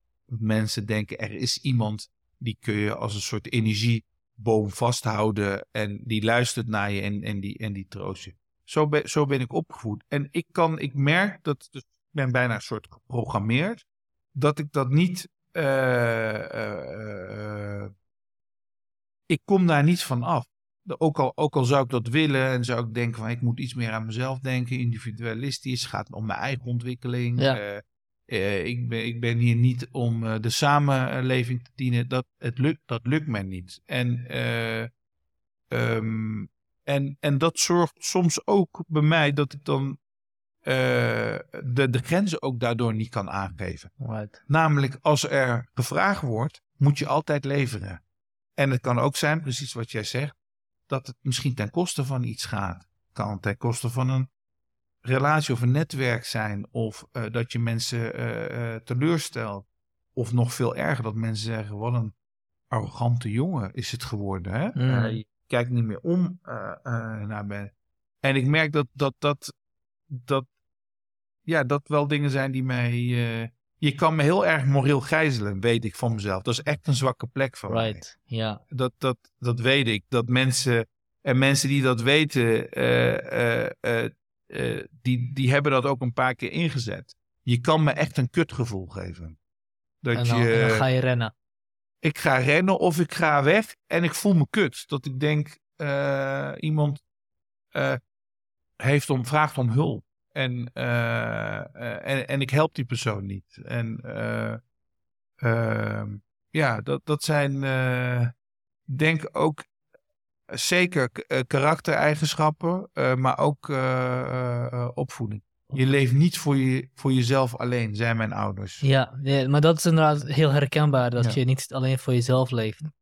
En ergens is dat natuurlijk ook wel waar. op een gegeven moment is je zelfontwikkeling, kom je op een bepaald punt, ja, dan kun je misschien nog meer geld verdienen of je kan nog verlichter worden of je kan nog meer aan je trauma werken. Maar wat heeft het dan nog voor zin als het niet ten, ten goede komt van anderen? Dus daar ben ik het helemaal mee eens. Alleen we vergeten dan vaak dat wij als individu ook een van die mensen zijn die geholpen kunnen worden. Ja, precies. En, uh, en dan, ga je, dan ga je dus, ben je geneigd om minder hulp te vragen. Om minder hulp te vragen. Omdat jij helpt, jij, jij gaat natuurlijk geen hulp vragen. Jij gaat zelf geen hulp vragen. Nou, dat, dat is het interessante, hè? Want dan, dan, ga je, maar je, je verwacht wel dat andere mensen om hulp vragen als ze het nodig hebben. Maar zelf vraag je het nooit. klopt. En, en zelf, je dwingt jezelf, en dat is ook iets wat, wat ik doe, om sterk te zijn de hele tijd. Mm. Je mag niet verzwakken.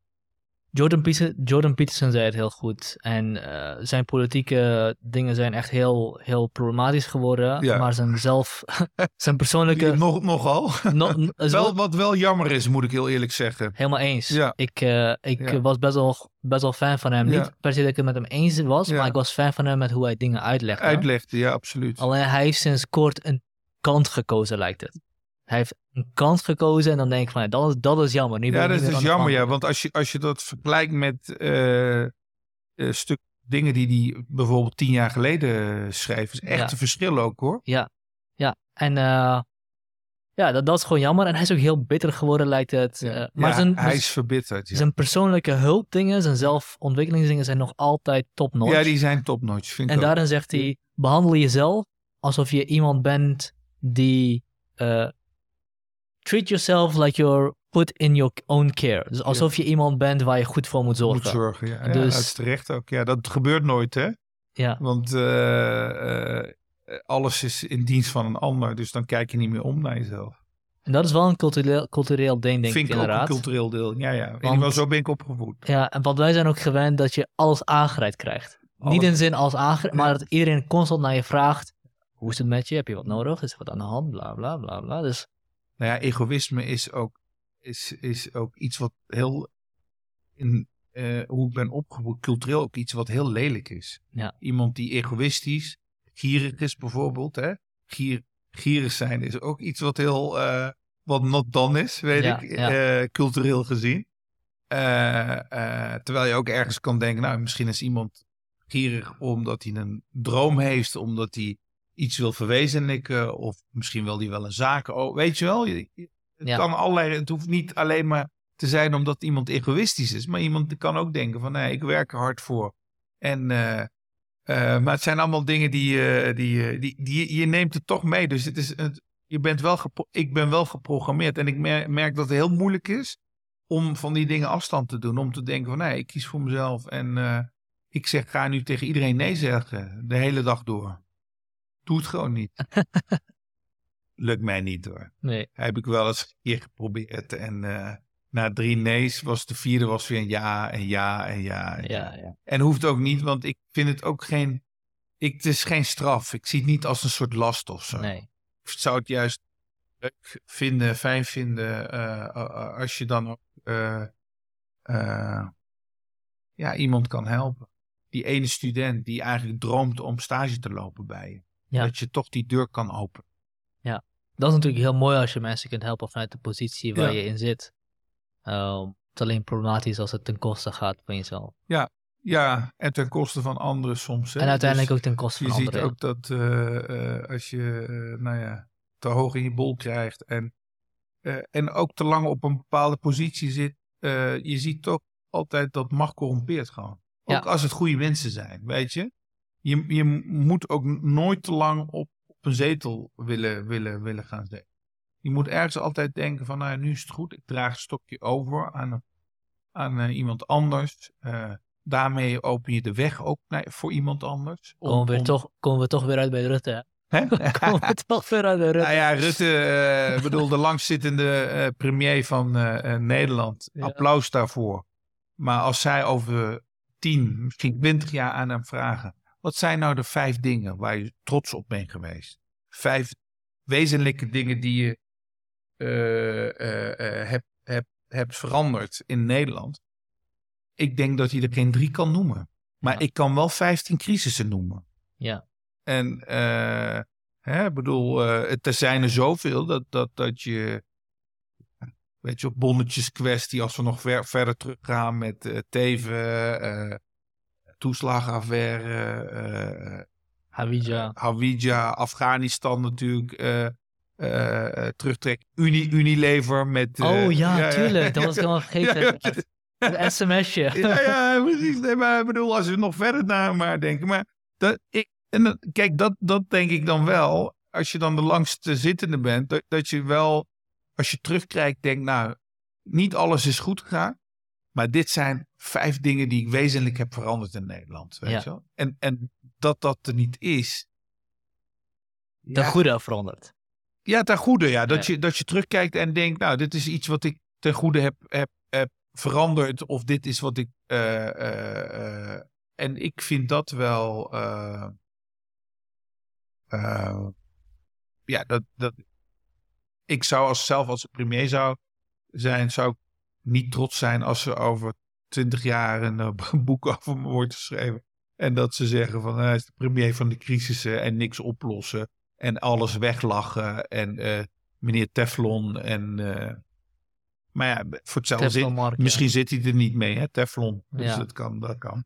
Ja, goed. Ehm, even terugkomen. v- Voel je ook een bepaalde verantwoordelijkheid naar, eh, naar je plek van afkomst? Die, Ehm, even niet Nijmegen, maar eentje terug. Eh, nou, nou, nee, vooral Nij- Nijmegen wel. En, eh, en de afkomst natuurlijk. eh, ja, ook natuurlijk. Maar de reden dat ik die vraag stel is Ja. omdat heel veel van je documentaires over die gebieden gaan. Ja. En je gaat nu over Mesopotamië. Ja. En je gaat naar, naar de stad of naar het dorp van je ouders. Ja, klopt. Ja, nee, klopt. Nee, ja, ik wil natuurlijk gewoon deels mooie programma's maken. Programma's die mij ook zelf ook raken. Nou, dat, dan kijk je ook naar je eigen wortels, naar je afkomst, naar je eh, eh, religieuze eh, afkomst. Hè. Je kijkt naar alles, Ja. naar het hele, hele, hele, hele plaatje. En, ehm, ehm, eh, en ik, ehm, het is natuurlijk ook een soort verdieping in waar je vanzelf vandaan komt. Hè? Je, je verdiepen en jezelf ook proberen te begrijpen. Hè? Bijvoorbeeld, waarom ben ik eigenlijk zo? Ja. Waarom ben ik echt zo'n emotioneel mens? Waar komt dat vandaan? Is dat genetisch of ben ik zo opgevoed? Nou, dan merk je toch dat het ook deels eh, eh, genetica is, namelijk doorgeven eh, bijvoorbeeld van trauma's. Hè? Mijn, mijn moeder bijvoorbeeld, haar familie, eh, mijn opa, heeft eh, eh, genocide in 1938 meegemaakt, waarin het Turks leger eh, eh, eh, wordt gezegd tussen de 50 en 70.000 Koerden heeft vermoord in Dersim, in, in, die, in, die, in die provincie. Eh, Dersim is waar jij vandaan komt. ja, waar mijn moeder eh vandaan je moeder komt. vandaan sorry. Ja, en eh, oorspronkelijk vandaan komt. En ehm, eh, dus ik heb daar nooit eigenlijk over nagedacht. Mijn opa praatte daar ook niet over. Eh, eh, vond dat te verdrietig eigenlijk. Dat hij wees is geworden toen in die periode. Hij was negen jaar oud. Ehm, maar hij heeft wel altijd met die pijn eh, rondgelopen en die pijn wel voor zichzelf gehouden. Toen hij wat ouder werd, toen vertelde hij in, in, in versnipperd eigenlijk dingen die, Mhm. die er uh, waren gebeurd. Dat uh, clan waar hij toe behoorde uitgeroeid is eigenlijk. Dat heel weinig mensen het hebben, hebben overleefd.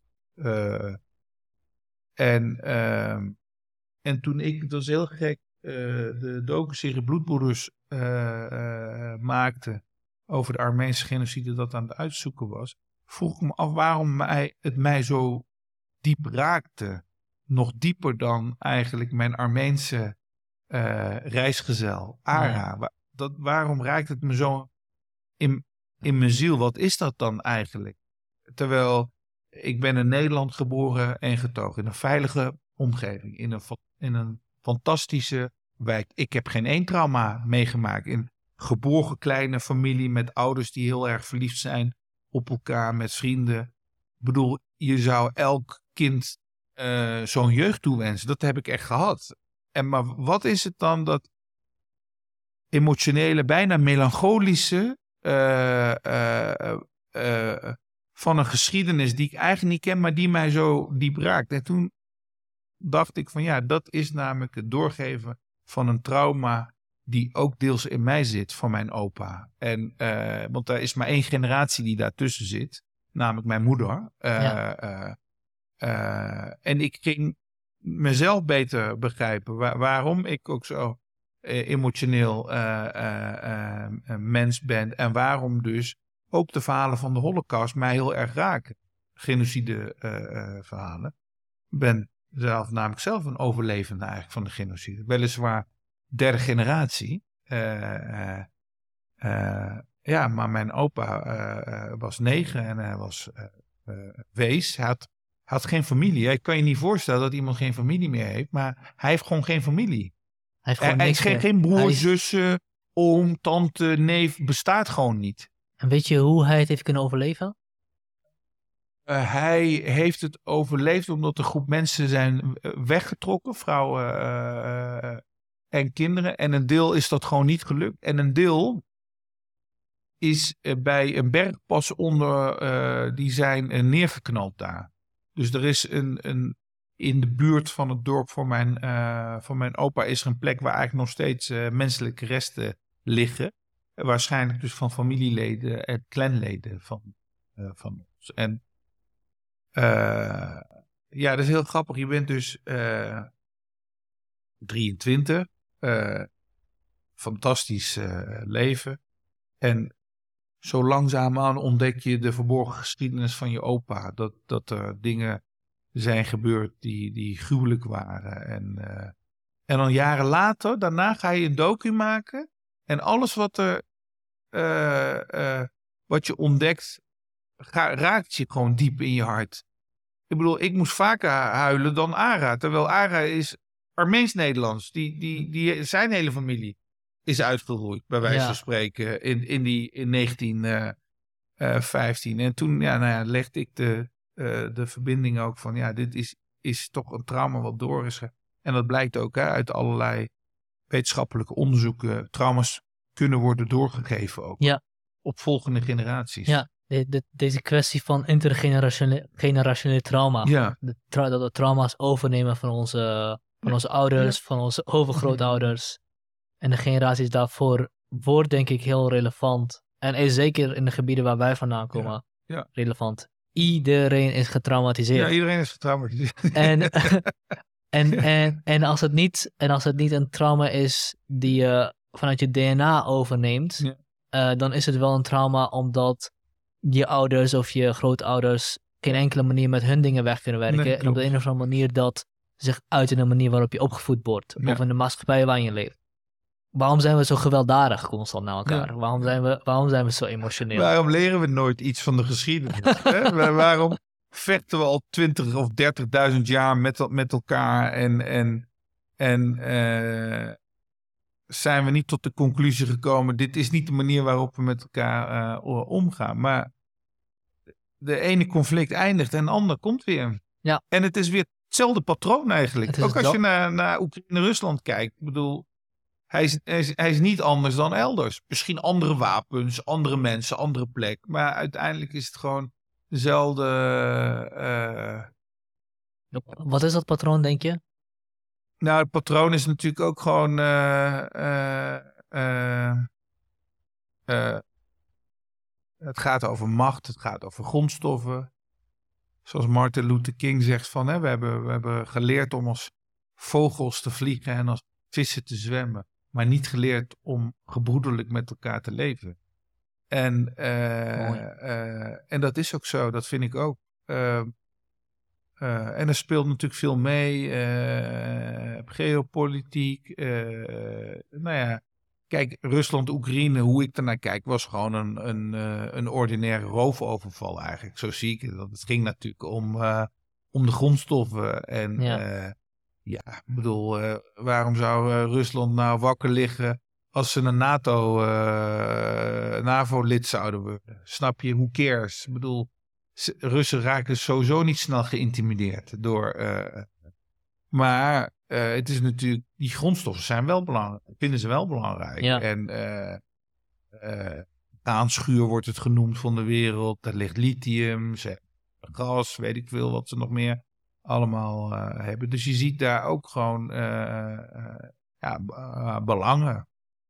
En dat, en dat loopt natuurlijk overal. in elk conflict. Als je, als je bij wijze van spreken de, de grondstoffenkaart de conflictkaart legt, dan is die bijna identiek. Ik wil niet zeggen dat die identiek is, maar bijna, bijna identiek. Dat er, er is altijd iets te halen er. Ja, ja, ja. En kijk gewoon naar Libië. Ik bedoel, eh, het land is in een soort drieën verdeeld. Eh, Haftar wordt gesteund door eh, Egypte en, en, en, en Rusland.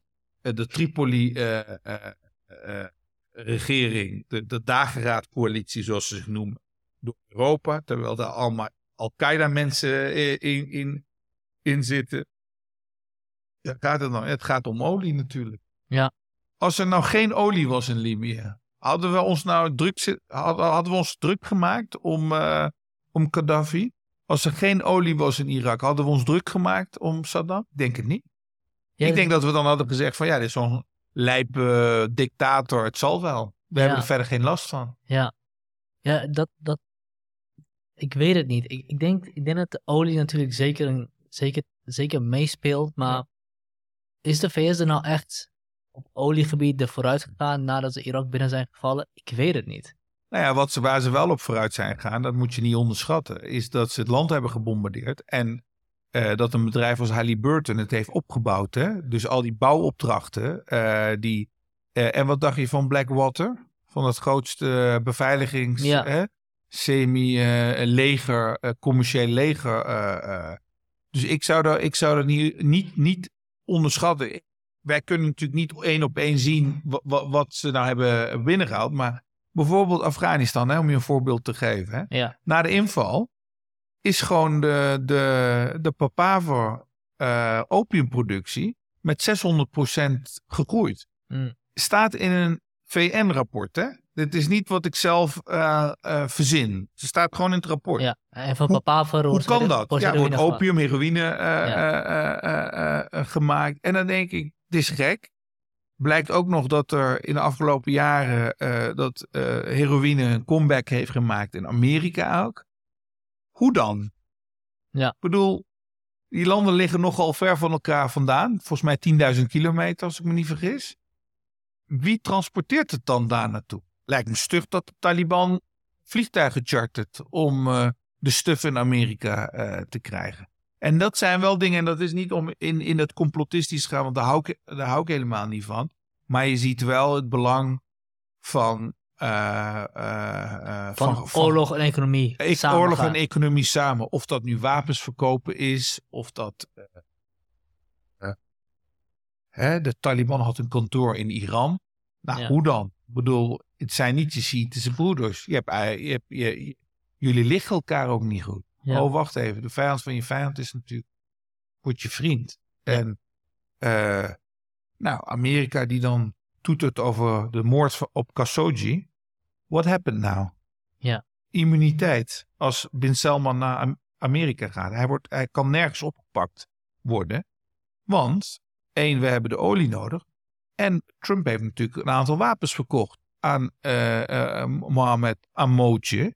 Die die wapens weer in heeft gezet in Jemen. Waar we over zitten. Uh, Mootje is de koning van Saudi-Arabië. Mootje is de, de, de, de hij is nog niet de, officieel, nee, hè? Ja, hij, wordt, hij, wordt, hij is de, de troonopvolger. Ja. Hij, is, hij, is wel de, hij is wel de schaduwkoning. Ja. En, uh, en die wapens worden weer ingezet in Jemen. Een hele dag huilen over Jemen, ach en wee. Maar ik bedoel, het zijn toch de wapens die, die wij toch hebben verkocht aan, ja. aan, aan hem. En waarom sanctioneren we Saudi-Arabië dan niet? Ja. Mensenrechten schendingen. Uh, vrouwelijke activisten die zijn opgepakt. Uh, lange gevangenisstraf hebben, hebben, hebben gekregen. En, en uh, ook met Qatar. Waarom heb je niet in het begin, toen het werd toegewezen, gezegd van... wij gaan dit boycotten. Wij gaan geen elftal naar dit land sturen. Ja. Ja, nu heeft het geen zin. Allemaal moest het naar de maaltijd. Om nu te gaan zeggen van... Maar je had toen in het begin moeten zeggen. En in 2018 was hij in Rusland. Vond ook niemand erg. Niemand vond het erg dat er in China Olympische Spelen werden georganiseerd. Terwijl er een miljoen uh, Oeigoeren in. in ik zou zo graag willen dat je één lijn trekt. Als het gaat om menselijke waardigheid, om mensenrechten, om humaniteit. Al die laten we zeggen tussen haakjes, westerse waarden en normen. Hè, die, waarvan je zegt, die zijn geweldig. Hè, hebben we in de verlichting hebben we die ontwikkeld. Nou, laat dat dan ook zien. Ja. Hè, want ik juich het toe, maar laten we dan consequent zijn gewoon. Ja. Hè, laten we die, die, die uh, de lat niet laag, gaan we hoog houden voor iedereen. Ja, ja het is, het is, uh, het is dramatisch hoe er selectief geshopt wordt in waar gaan we waarden wel uh, hoog houden en waar niet. En met Qatar is natuurlijk, dat is natuurlijk gewoon een schande. Maar we zijn aan het begin al, je wist dat ze het hadden gekocht. Hè? Er waren allerlei verhalen uh, uh, over. En je, veroordeelde, je veroordeelt Rusland, wat ik prima vind. Ja. Maar waarom veroordeel je Saudi-Arabië niet, wat ze in Jemen hebben gedaan? Ja. Of Oh. Of wat er in Iran gebeurt nu. Gewoon, wij zitten ernaar te kijken allemaal. Waarom denk je niet, we gaan de zwaarste sancties op Iran leggen? Het is wel veroordeeld. Ja, ja maar geen sancties gelegd. Sanctioneren. Je moet meteen uh, dat er geen wapens mogen verkocht mogen worden. Ja. En, en, en, en, en dat soort dingen. En, en dat mis ik. Dat, als je het over selectief verontwaring, dat mis ik heel erg. Ja. We, zijn, we vinden het niet oké. We, we, we uh, uh, veroordelen het. Maar we hangen er niks aan vast. Met Khashoggi ook. We vonden het verschrikkelijk wat de journalist was overkomen die in die uh, vijf was gehaakt. Maar uiteindelijk, hij is er toch lach, lachend van afgekomen. Kijk gewoon. Ja, nee, maar... Hij zat bij de G20 te high-fiven met ja, iedereen. Niemand, niemand gaat de prins van Saudi-Arabië, ja. die alle olie in handen heeft, ja. uh, iets aandoen of, of... En daarom gaat er niks veranderen zo op die manier. Als het gaat om mensenrechten en en daarom, en daar moet je ook niet boos over zeggen als mensen dan in het Midden-Oosten zeggen het Westen is hypocriet. Ja. Namelijk, ze zetten de mensenrechtenkaart alleen maar in als, het, uh, uh, als zij er zelf iets aan hebben. Ja. En uh, als er een belang is. Ja. En dan wordt er gezegd van ja, maar we doen aan stille diplomatie met Saudi-Arabië. Oké, okay. wat levert het op? Stille diplomatie is ook iets achter de schermen wat ik niet zie. Ik kan dat niet beoordelen of dat goed of ja. slecht is. Ja. Of is het een soort afkopen van, ja, we zijn er wel mee bezig, maar we moeten ook, ja, we moeten ook in gesprek. Ja. Weet je wel? Want het geld rollen. Ja, maar de schoorsteen is, moet branden. Ja, er is natuurlijk wel wat voor te zeggen, ja, maar, maar de schoorsteen, schoorsteen moet ook branden. branden. Ja, de, maar moet de schoorsteen ten koste van alles branden? Nee, nee, natuurlijk niet. Nee, nee, helemaal, ben ik helemaal met je eens. Maar uh, om terug te komen op de wereld draait door. Het succes wat ze hadden, moest dat ten koste gaan van nee. menselijke waarden? Nee, nee, nee zeker niet. Eh? Ja, het succes ja. wat ze hadden waren kijkcijfers. Ik, niet ja. ik zou dat, ja, misschien vroeger wel, maar ik ja. weet niet of het nu nog zo'n. Uh...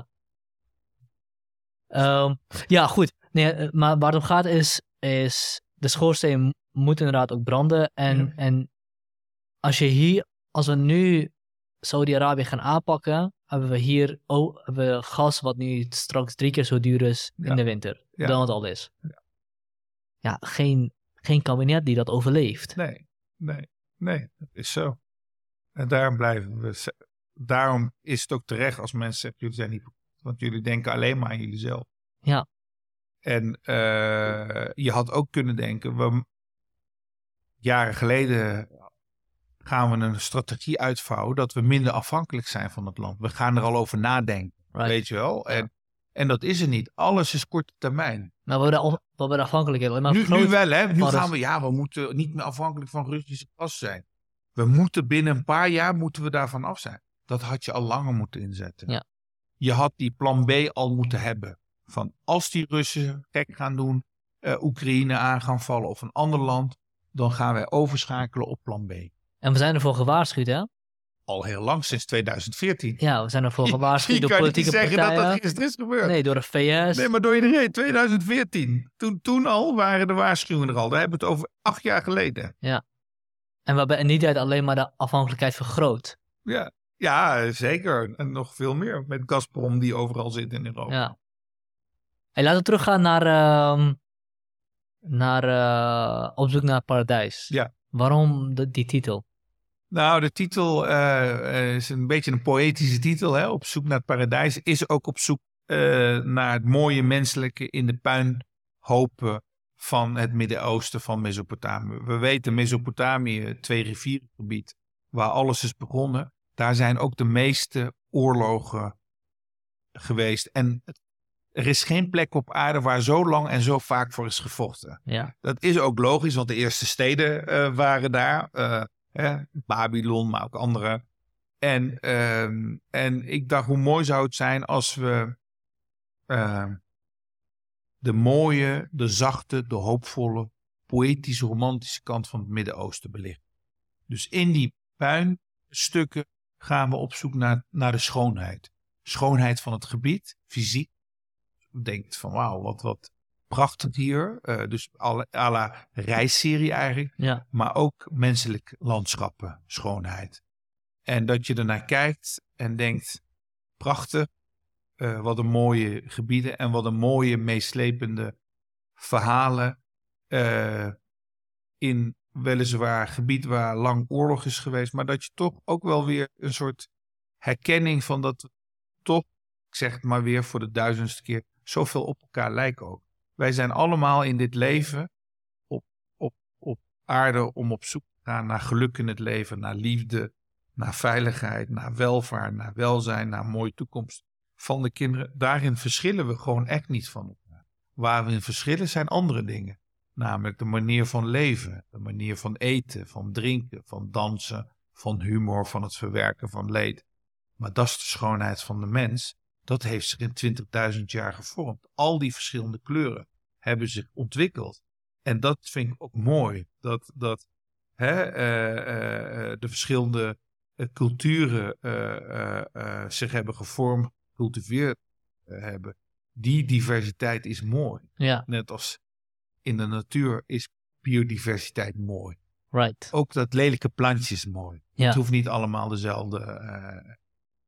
En eh, dus je gaat naar deze serie kijken. eh, En waarom Dersim?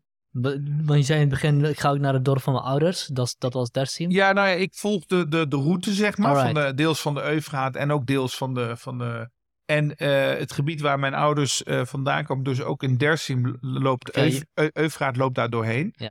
En daar was ook een, ja, is ook een mooi verhaal, die, eh, eh, eh, een heel romantisch verhaal wat zich daar afspeelt.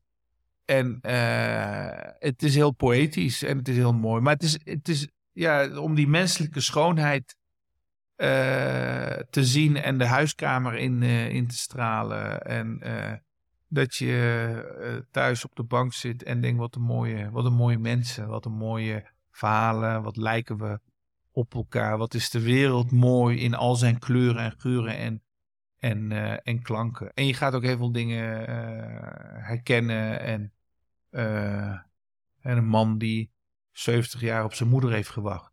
En, en, en die maar niet kwam. Maar ze had wel beloofd aan hem om te komen. Dus, Oh, hoe oud was hij toen zij wegging? zes. En eh, zij was, eh, hij was ziekjes. En de moeder was op de vlucht. En heeft hem in een klooster achtergelaten. En heeft tegen hem gezegd van, wacht op mij. Ik kom jou halen. En hij heeft gewacht. Niet één, niet tien, maar zeventig. En zij is helaas nooit gekomen. Maar de liefde voor zijn moeder en de hoop dat ze zou komen, heeft hem eigenlijk op de been gehouden. Hij is net geen tachtig geworden. Zo. Dus eh, ja, dat soort, eh, dat soort meeslepende, eh, mooie verhalen. Ik was ook heel erg ontroerd ook door dit verhaal. Omdat je je niet kan voorstellen dat iemand 70 jaar wacht. ja. En geen leven opbouwt. En niet denkt, Ja. ik ga weg, ik ga door met mijn leven. Hij had ook geen familie of gezin. Geen familie, niks. eh, maar ook dat je niet denkt, ik ga door met mijn leven. Maar elke dag bij de poort, 365 dagen, 70 jaar lang. Elke avond wacht bij de poort totdat het donker wordt.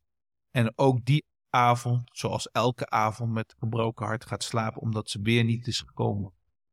En dat is ongekend. Zo'n verhaal is ongekend, maar het gaat natuurlijk, los van dat het heel dramatisch is, ook wel over liefde. Want eh, de hoop heeft hem eigenlijk zo lang in leven gehouden. Hoop dat ze zou komen. Hij mocht nog niet doodgaan. En hij heeft zelfs op zijn sterfbed gezegd van... eh, ik wacht al zo lang, is ze nou eindelijk gekomen? Ja. Dus dit zit allemaal in het op zoek naar het paradijs... waar ik fysiek ook op zoek ga naar het paradijs. Volgens de heilige boek is het paradijs in het twee rivieren, in Mesopotamië. Daarom zegt ze ook, heeft God zijn profeten naar dat gebied eh, eh, eh, gestuurd. En er wordt gezegd dat het op de plek is waar de Eufraat en de Tigris bij elkaar komen. Dat is El Kurna. Daar eindigt de serie ook bij de boom. Paradijsboom, zoals ze genoemd worden. Dus het is echt ook een fysieke, fysieke reis. En natuurlijk symboliek. Op zoek Ja. naar het eh, paradijs. Paradijs is wat wij ervan maken. Prachtig. Ja. Wanneer komt hij uit? Eh, februari. Dus het is dus nog even. We Een paar moeten nog even, we moeten nog even Nog wachten. even wachten, maar het komt. Ja, ik eh, kijk er echt naar. uit. Het Ja. klinkt als een, als een mooie, Ja, het wordt mooie heel mooi. documentaire. Ja, het wordt heel En hoe lang ben je bezig geweest met dit te schieten? Ehm, nou, even. eh, we hebben eh, een jaar reis eh, voorbereid, zeg maar. En dan niet zozeer de route, hè, want eh, visa aanvragen, toestemmingen en noem op allemaal. En echt het fysiek draaien was, even nadenken, ruim vier weken Turks deel, bijna vijf. Drie weken Syrië en bijna vier weken in Irak. Dus Ja. toch bij elkaar eh, reizen van drie, in drie stukken. Eh, in Turkije begonnen, Syrië, eh, dus wel chron- chronologisch. Ja, ben je dan ook al die tijd daar of vlieg je heen en weer? Nee, ik, vlieg, ik heb, ben dus drie keer heen en weer Ja. gevlogen. Normaal vliegen we vaker, maar nu dacht ik van, ook in het kader van, nou ja, gewoon duurzaamheid, ook gewoon, als we naar Irak vliegen, gaan we het in één keer opnemen. Ja. Wat heel heftig is, kan ik je zeggen. Vier, Ja. vier weken draaien in 50 graden is, eh, is de hel. Eh, en dat hadden we, eh, ja, nou ja. het- Je was daar in de zomer. ik was in de zomer daar. Het kon niet anders. Ja, het was, het was gruwelijk, kan ik je zeggen. Ja. ik weet nog dat ik een keer uit een taxi stapte in uh, Erbil in hoogzomer. In hoogmiddag. En in de middag is natuurlijk niemand buiten. En dat ik gewoon hoofdpijn kreeg van de hitte. Ik kreeg gewoon hoofdpijn.